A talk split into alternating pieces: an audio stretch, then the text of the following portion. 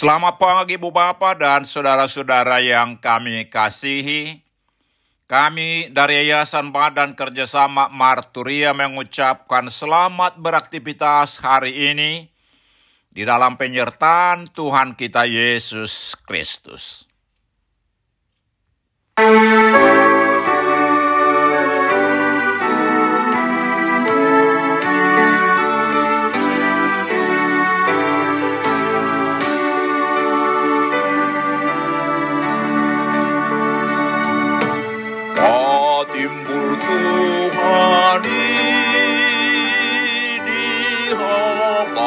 Bangsa nai Marhasak pain soarami Memuji Tuhani Endehon marajam Sian sandok roham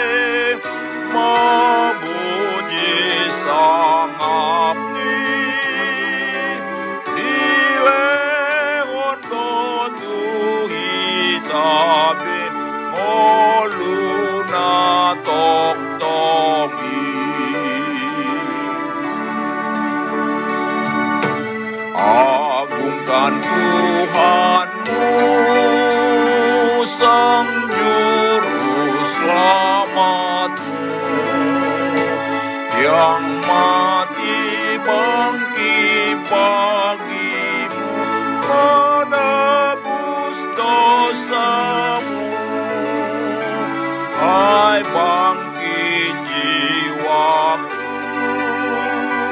Nyanyian Tuhanmu Agungkan juru selamamu Selama hidupmu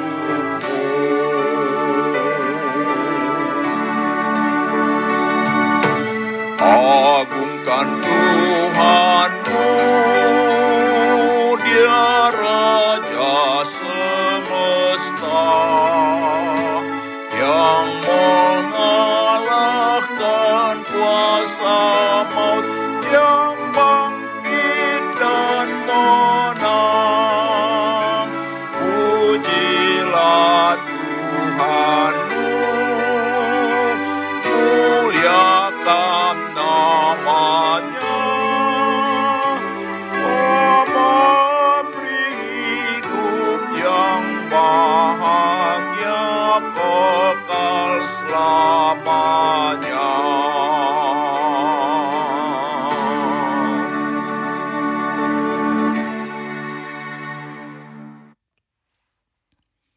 Mari kita berdoa. Tuhan, di pagi hari ini kami menaikkan puji-pujian dan ucapan syukur kami kepadamu atas kasih setiamu, berkat-berkat dan penyertaanmu atas kami. Kami hendak mendengarkan dan merenungkan firman-Mu. Ungkapkan Tuhan kepada kami kebenaran firman-Mu, dan tolong kami Tuhan melakukan firman-Mu dalam kehidupan kami. Dalam nama Tuhan Yesus kami berdoa. Amin. Saudara-saudara yang dikasihi Tuhan Yesus, firman Tuhan untuk kita renungkan di pagi hari ini terambil dari 1 Tawarikh 29 ayat 11 dengan tema Punya Tuhanlah kemuliaan, hormat, dan keagungan. Demikian firman Tuhan. Ya Tuhan, punyamulah kebesaran dan kejayaan, kehormatan, kemasyuran, dan keagungan, ya segala-galanya yang ada di langit dan di bumi. Ya Tuhan, punyamulah kerajaan dan engkau yang tertinggi itu melebihi segala-galanya sebagai kepala. Saudara-saudara yang dikasihi Tuhan Yesus, Topik renungan di minggu keempat sesudah Epipanias ini ialah Allah sumber kekuatan dan hikmat. Dikatakan di Yohanes 1 ayat 3, segala sesuatu dijadikan oleh dia, dan tanpa dia tidak ada suatu pun yang telah jadi dari segala yang telah dijadikan. Segala sesuatu dijadikan Allah dengan berfirman. Hanya manusia yang sangat maju dalam pemikiran, pengetahuan, dan teknologi itu diciptakan dari debu tanah menurut gambar dan rupa Allah. Kejadian 1 ayat 26. Kekuatan dan hikmat manusia terbatas, hanya mampu menciptakan yang ada dari yang ada. Hanya Allah yang dapat menciptakan yang ada dari yang tidak ada dengan berfirman Artinya hanya Allah sumber kekuatan dan hikmat yang sesungguhnya. Manusia sesudah jatuh dalam dosa tidak dapat melepaskan dirinya dari perhambaan dosa itu. Hanya karena anugerah Allah melalui pengorbanan Kristus menebus manusia dari perhambaan dosa. Sesungguhnya Kristus adalah kekuatan Allah dan hikmat Allah. 1 Korintus 1 ayat 24. Saudara-saudara yang dikasihi Tuhan Yesus, ayat renungan hari ini diambil dari perikop dengan judul Nyanyian Pujian Daud. Ketika Raja Daud telah menetap di rumahnya dan Tuhan sudah mengaruniakan kepadanya keamanan dan kemakmuran, ia bermaksud mendirikan bait Allah tempat tabut Tuhan diletakkan.